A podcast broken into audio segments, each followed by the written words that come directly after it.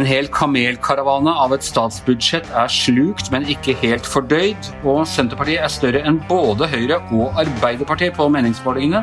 Nå står ikke verden til jul. Dette er Gjevrøy-gjengen. Det er onsdag den 2. desember. Ja, eh, Tone Sofie Aglen og Hanne Skartveit, hallo til dere. Hallo. Hei, hei. Vi sitter her på hvert vårt hjemmekontor, og slik skal vi kanskje sitte med familien på julaften òg, eller hva sier du Tone Sofie? Du har fulgt med litt på de nye reglene for julefeiring fra, fra statsministeren? Ja, spenningen er jo utløst. Det er jo det alle lurer på om dagen, er jo hvor mange får man være rundt bordet på julaften. Og nå kommer jo regjeringa med sitt konglomerat av ulike regler, så kan man nå altså velge to dager fritt i jula, hvor man kan være inntil ti personer. Men det er jo med avstand og alt det der, da, så Ja. Betyr det at hvis ti personer blir enige om å velge på forskjellige måter, og sånn, så kan man egentlig være sammen i 20 dager i løpet av jula? Jeg tror i hvert fall ikke det er intensjonen, men jeg regner med at det der eh, Det er vel et visst rom for tolkning, men det er jo litt sånn komisk å, være, å høre på de her pressekonferansene til regjeringa, for jeg skjønner jo at de må ha smittevernregler, men eh, det morsomme er jo at de i tillegg har liksom sett det som sin oppgave å, å fortelle oss hvordan vi kan løse det her. Så i dag så kunne bl.a. kunnskapsminister Guri Melby fortelle at det var trist at vi ikke får dra på vanlige juleselskaper, men vi kan jo alltids være ute i snøen og lage snømann og tenne bål med venner og sånn, så det er litt sånn der, Jeg kjenner jeg dør litt innvendig av å høre hver eneste dag at uh, enten Rostrup Nakstad eller en eller annen politiker skal fortelle hvordan vi skal leve gode, morsomme liv til tross for uh, smittevern. Ja, hva syns vi om det som en liberal, borgerlig avis, uh, Hanne? At regjeringen skal drive og regulere hvor mange vi kan gå rundt juletreet og og hvor mange vi kan være til familiegrøten og i det hele tatt? Ja, det er klart det er noen vanskelige avveininger, men eh, pandemien ser jo ut til å si, knuse alt av opprørstrang hos mange. Det er klart det er en interessant diskusjon hvis du løfter litt mer prinsipielt eh, hvor stor makt regjeringen skal ha. og Audun Lysbakken har jo reist i forhold til om regjeringen skal være som enerådende på dette i forhold til Stortinget. og det er jo, Vi er jo veldig veldig lydige i Norge, og det er jo på godt og vondt. Kanskje burde det vært en egen julefeiringkomité i Stortinget som vedtok disse retningslinjene, sånn istedenfor at Uh, nå, må du, nå må du ikke gi dem ideer, Anders. Kan jo bare si det at uh, for noen av oss litt sånn kan, det bli, kan det bli mistillitsforslag på julefeiringdekret fra regjeringen i Stortinget? Kan regjeringen måtte gå på antallet folk til julegrøten? Nei, Når de ikke måtte gå på det budsjettet, så får vi vel tro at de, de tåler den runden her òg. Men jeg må jo si at for et litt sånn frihetssøkende menneske som ikke er så glad i verken pekefingre eller moralisering eller annet, så har det vært et krevende år på veldig mange vis. Det har vært et krevende år, men vi, er, vi sitter nå her og, og Norge har klart seg ganske bra gjennom den pandemien, får vi oppsummere litt i ettertid. Men du nevnte stikkordet budsjettet. Og eh, jeg kan ikke huske at jeg har sett så mange må stå til ansvar for så mye kamelsluking etter et budsjett som det vi har opplevd denne gangen. Det kan være fordi det liksom fokuset er sterkt akkurat nå, men, men eh, det er virkelig et, en god del merkelige kompromisser som er inngått her, er det ikke det, Tone Sofie? Jo, det er jo for så vidt det, men, men det som er jeg vil si kanskje hovedproblemet med det her budsjettet, er jo at kompromissene handler jo egentlig ikke om at noen gir fra seg så veldig mye. Det handler om at man bare pøser inn med stadig mer oljebruk, oljepengebruk. Og Frp jo, har jo grunn til å være relativt fornøyd med gjennomslaget sitt målt i kroner og øre. Det er vel 18 milliarder eller noe sånt de har øh, øh flytta på. Men, uh, men, men, det er jo på en måte ingen som virkelig har hitt fra seg noen ting som betyr noe for dem. Det eneste er nå at KrF må svelge den her kamelen på Jeg vel si at Kristelig Folkeparti har, har måttet gi fra seg litt. Ja, de, det, men det handler jo om alkoholavgifter og at de må akseptere det. Men de har jo på en måte ikke eh, mista noen av sine hjertesaker eller hitt fra seg noen penger på noen andre områder. Da. Det er mer det. Det er, det er oljefondet som uh, salderer den moroa her. Som tar regninga. Men eh, bare spørre kort om det, fordi det er så mye fokus på disse her, eh, luksusavgiftene. Kommer vi som forbrukere til å merke dette her, eller går det bare rett i lomma på de store kjedene, tror du? Vanskelig å svare på. Jeg ser i hvert fall både at Virke og NHO har vært veldig sånn begeistra for det her. og og det er mulig at det er litt sånn noe de føler at de må si òg. Det, det, er jo ikke de store summene på sånn hvis du går og kjøper en, en boks øl, men det har jo også vært litt utfordringa i Norge at uh, dagligvarekjedene Hvis du drikker 100 bokser øl derimot, så er det penger å spare. Ja. Men bare for å komme en litt sånn der uh, Det er jo ikke noe sånn populært, og, i hvert fall i store deler av det politiske, å synes at det er å være for avgiftskutt, da, men at det er en viss harmonisering mellom landene på avgiftsnivå trenger jo ikke nødvendigvis å være så dumt for næringslivet og sånn. Kanskje, kanskje, det som eh, jeg tror er noe som er kanskje mest opptatt av, ikke at enkeltpersoner skal få kjøpe billig, billig øl og snus. Ja, nei, Det må være til beste for næringslivet, ikke for den enkelte forbruker. Men Hanne, den aller største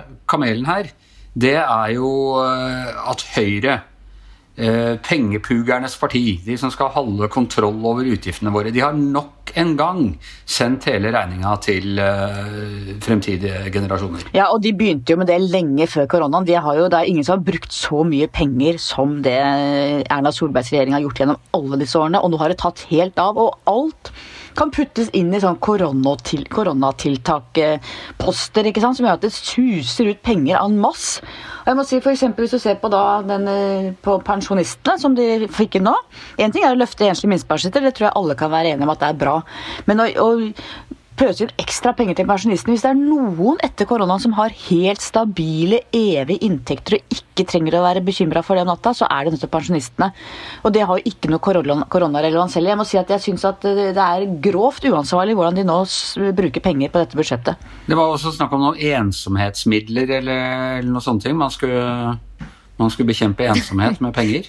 Ja, Det er jo Frp sin eh, hjertesak og Sylvi Listhaug sin hjertesak, og jeg vet ikke helt hvordan de ser for seg at det skal gjøres. Hva tror du, Tone Sofie? Hvordan, hvordan, betaler vi oss ut av ensomhetskrisa? Uh, nei, Mer konkret så tror jeg kanskje inn i sånn sykehjem og da, daginstitusjoner sånn med type aktivitører, besøkstjeneste og en del sånne ting.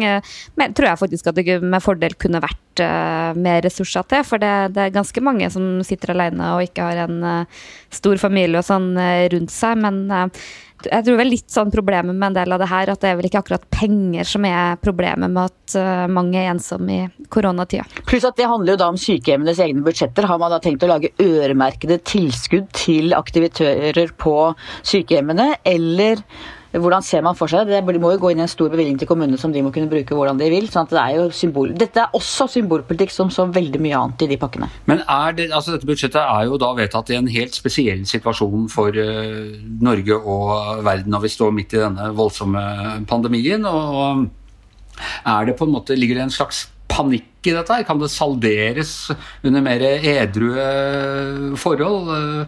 Eller er dette er dette bare et nytt skritt opp på denne bruke penger som fulle journalister? Eh? Bra du sa fulle journalister, for jeg skrev 'fulle sjømenn' en gang i en eh, kommentar. Jeg, jeg fikk så mange sinte mailer etterpå, men Det er men, nettopp derfor jeg ja. sa det, for de mailene jeg Ja, du opplevde det samme sjøl? Ja. ja, jeg sa for øvrig de oppførte seg som en barnehage en gang, og da fikk jeg også fra mange sinte barnehageansatte, så det er noen tabber du ikke gjør igjen. Nei, nei jeg er litt sånn bekymra for det, for du ser det både på pengebruken, og jeg er litt sånn overraska over at det ene partiet etter det andre har på en måte bare bare åpner slusene fullstendig med disse krisepakkene sine, og så forkler sine vanlige hjertesaker da, som eh, koronakrisepakker. Og det er litt sånn der, eh, veldig dårlig stil, men du ser det også på en del andre ting rundt omkring i kommunene, hvor vi hopper fullstendig bukk over anbudsregler og gjør ganske mye sånn der eh, I litt sånn desperasjon, kan det se ut til. Så det virker jo som at den der koronaen ikke bare har gitt oss litt sånn moralsk panikk, men at man har tatt en del sånn beslutninger som virker veldig lite veloverveid og, og, tatt veldig hastig. Da. Vi ser det liksom rundt, det kommer stadig flere sånne eksempler, og der, de nødrespiratorene som VG har eh, skrevet en del om, er vel litt sånne kroneksempler på det. Og det er klart at Jeg tror alle er enige om at man må, må bruke mer penger i koronatiden, bl.a. for å holde folk i aktivitet, og også på den andre siden av dette for å få folk i arbeid, rett og slett. Litt sånn motkonjunkturpolitikk i Kanes-politikk, men veldig mye av det vi ser nå, handler jo ikke om det i det hele tatt. Og det er det som er ille, for du bruker på en måte opp handlingsrommet også til det som kommer seinere. Ok, vi må snakke om den andre store politiske saken nå eh, disse dagene, egentlig kanskje vi burde ha snakket om i går. Det er at Eh, Senterpartiets vekst vil ingen ende ta. Eh, større enn Arbeiderpartiet eh, på vår måling i går, og større enn både Arbeiderpartiet og Høyre på TV 2s måling i går. Er, det er ingen grenser for vekst for dette partiet, Anne? Nei, Hvis noen hadde fortalt meg for ett eller to år siden at Senterpartiet skulle bli større enn Arbeiderpartiet, så hadde jeg jo faktisk med innrømme ledd høyt. Det er jo helt utrolig. Jeg har jo fulgt dette partiet siden ja, lenge før EU-kampen i 94. Det har jo vært et sånt lite parti som gjorde det veldig bra. Da var det, jeg husker ikke tallene, men De var liksom tosifra i EU-kampen, men det var ikke i nærheten av dette da heller. Så Det er helt utrolig. Det sier mye både om Trygve Slagsvold Vedum og Senterpartiet, men også om Arbeiderpartiet, hvordan de ikke har klart å utnytte eh, opposisjonstilværelsen i en tid med korona, stigende arbeidsledighet, alle de ting som egentlig burde være hjertesaker for Arbeiderpartiet. Du, eh, Trond Sofie, vi snakket jo om forrige uke, og, og jeg hadde, hadde Trygve Slagsvold Vedum som som gjest i podkaststudio eh, i det hele tatt. Han, vil, han er veldig veldig beskjeden når det gjelder dette med å være statsministerkandidat. Eh, er det fordi han innser at eh, det er ikke sjans i helgeroa å klare å holde alle de luftige løftene han har avgitt for å nå denne toppen? Eh, nei, det tror jeg ikke. Eh, jeg tror han har en særdeles bevisst strategi. Det tror jeg egentlig han har hatt Eh, lenge om, eh, om, hvordan han skal eh, både utvikle partiet og utøve sin lederrolle. Og jeg tror han ser utmerket godt at det å lansere seg som statsministerkandidat, det er for det første er ikke han tjent med det, for det, det, er på en måte som en sånn veldig sånn litt sånn folkets opposisjonspolitiker. At han har bygd en veldig sterk profil som, som, som han behersker veldig godt, det må det være lov å si. Men jeg tror også han ser at en sånn rivalisering mellom han og Støre på rød-grønn side vil være noe som også vil tjene høyresida. Så jeg tror han ser at på veldig mange måter så er det særdeles lite strategisk. Og ikke minst så, så tror jeg at uh, ved å være statsministerkandidat, og jeg tror nok også det er litt sånn blanda for dem å få så sterke målinger nå, så vil de få et helt annet fokus på seg og mye mer sånn kritiske spørsmål uh, knytta til sine, sine, løsninger som jeg ikke tror de helt tåler. Det så vi jo litt sånn eksempler på når han snakka om, uh, om, grensehandel hos TV 2, og, og det er jo tror jeg noe han ønsker å unngå. Hanne, da, da, denne veksten til Senterpartiet begynte for alvor, så var du, du også litt sjarmert og skrev liksom sånn at ja, det er hyggelig at liksom populistbølgen i Norge den tar, eh, den tar form av Trygve Slagsvold Vedum istedenfor en Trump-type eller noe sånt. Er du fortsatt like sjarmert? Jeg mener jo at det er bra at det er den veien proteststemmen i Norge går. Det mener jeg fortsatt. Og så må vi huske på Når vi sier at de ikke vil utrope Slagsvold Vedum til statsminister, så er det for det første veldig forskjell på før og etter valget. Det er klart Hvis de faktisk blir større enn Arbeiderpartiet etter valget, i selve valget, så er det kanskje en annen situasjon. Og så må vi huske at anlegget Landstein i sin tid utropte seg selv til statsministerkandidat. Det gikk veldig dårlig. De måtte bare trekke det og fikk mye sånn 'Hvem tror dere at dere er?' greier. Og så tredje aspektet. Tenk dere situasjonen, da. Hvis Senterpartiet blir like store eller større enn Arbeiderpartiet, sier ok, dere skal likevel, dere kan få statsministeren. Ok, vi vil egentlig ikke ha med SV, men dere kan få med SV òg. Men da skal vi ha sjukt mye annet i betaling for det.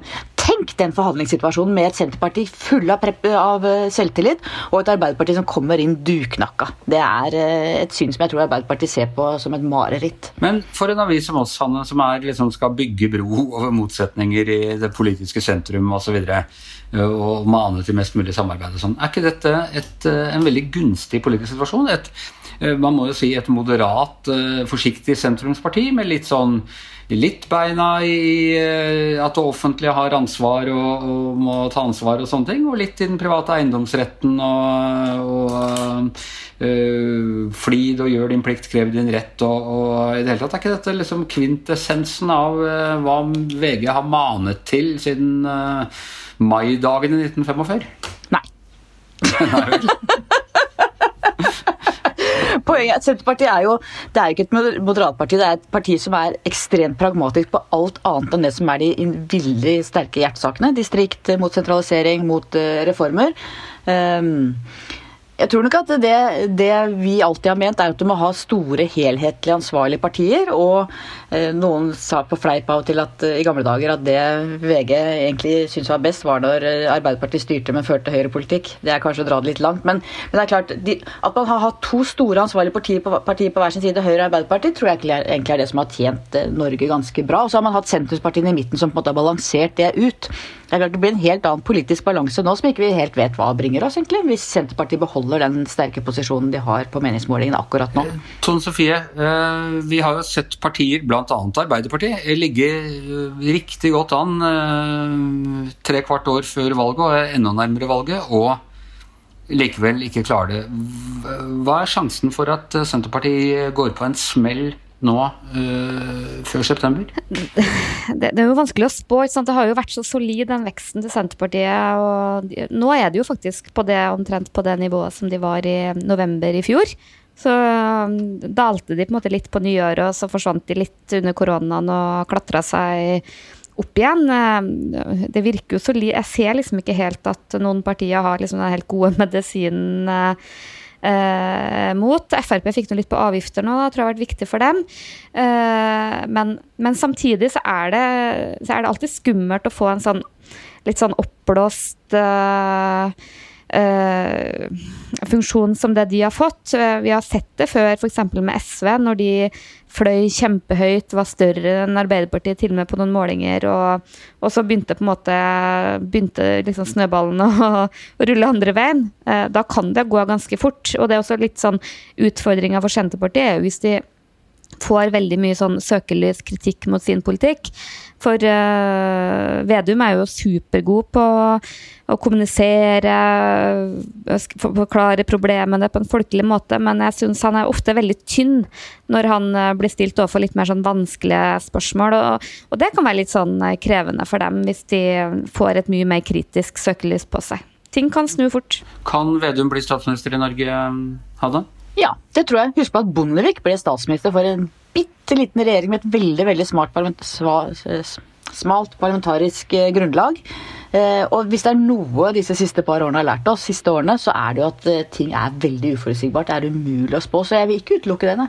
Første statsministeren jeg husker, var Per Borten. Eller rett og slett det første jeg husker, var at Per Borten gikk av. Det er liksom den første store politiske norske begivenheten. Men han var jo leder for en regjering med et Høyre som var større større enn dem i det hele tatt. Så de har jo vært gode til å forhandle seg inn i sånne posisjoner også.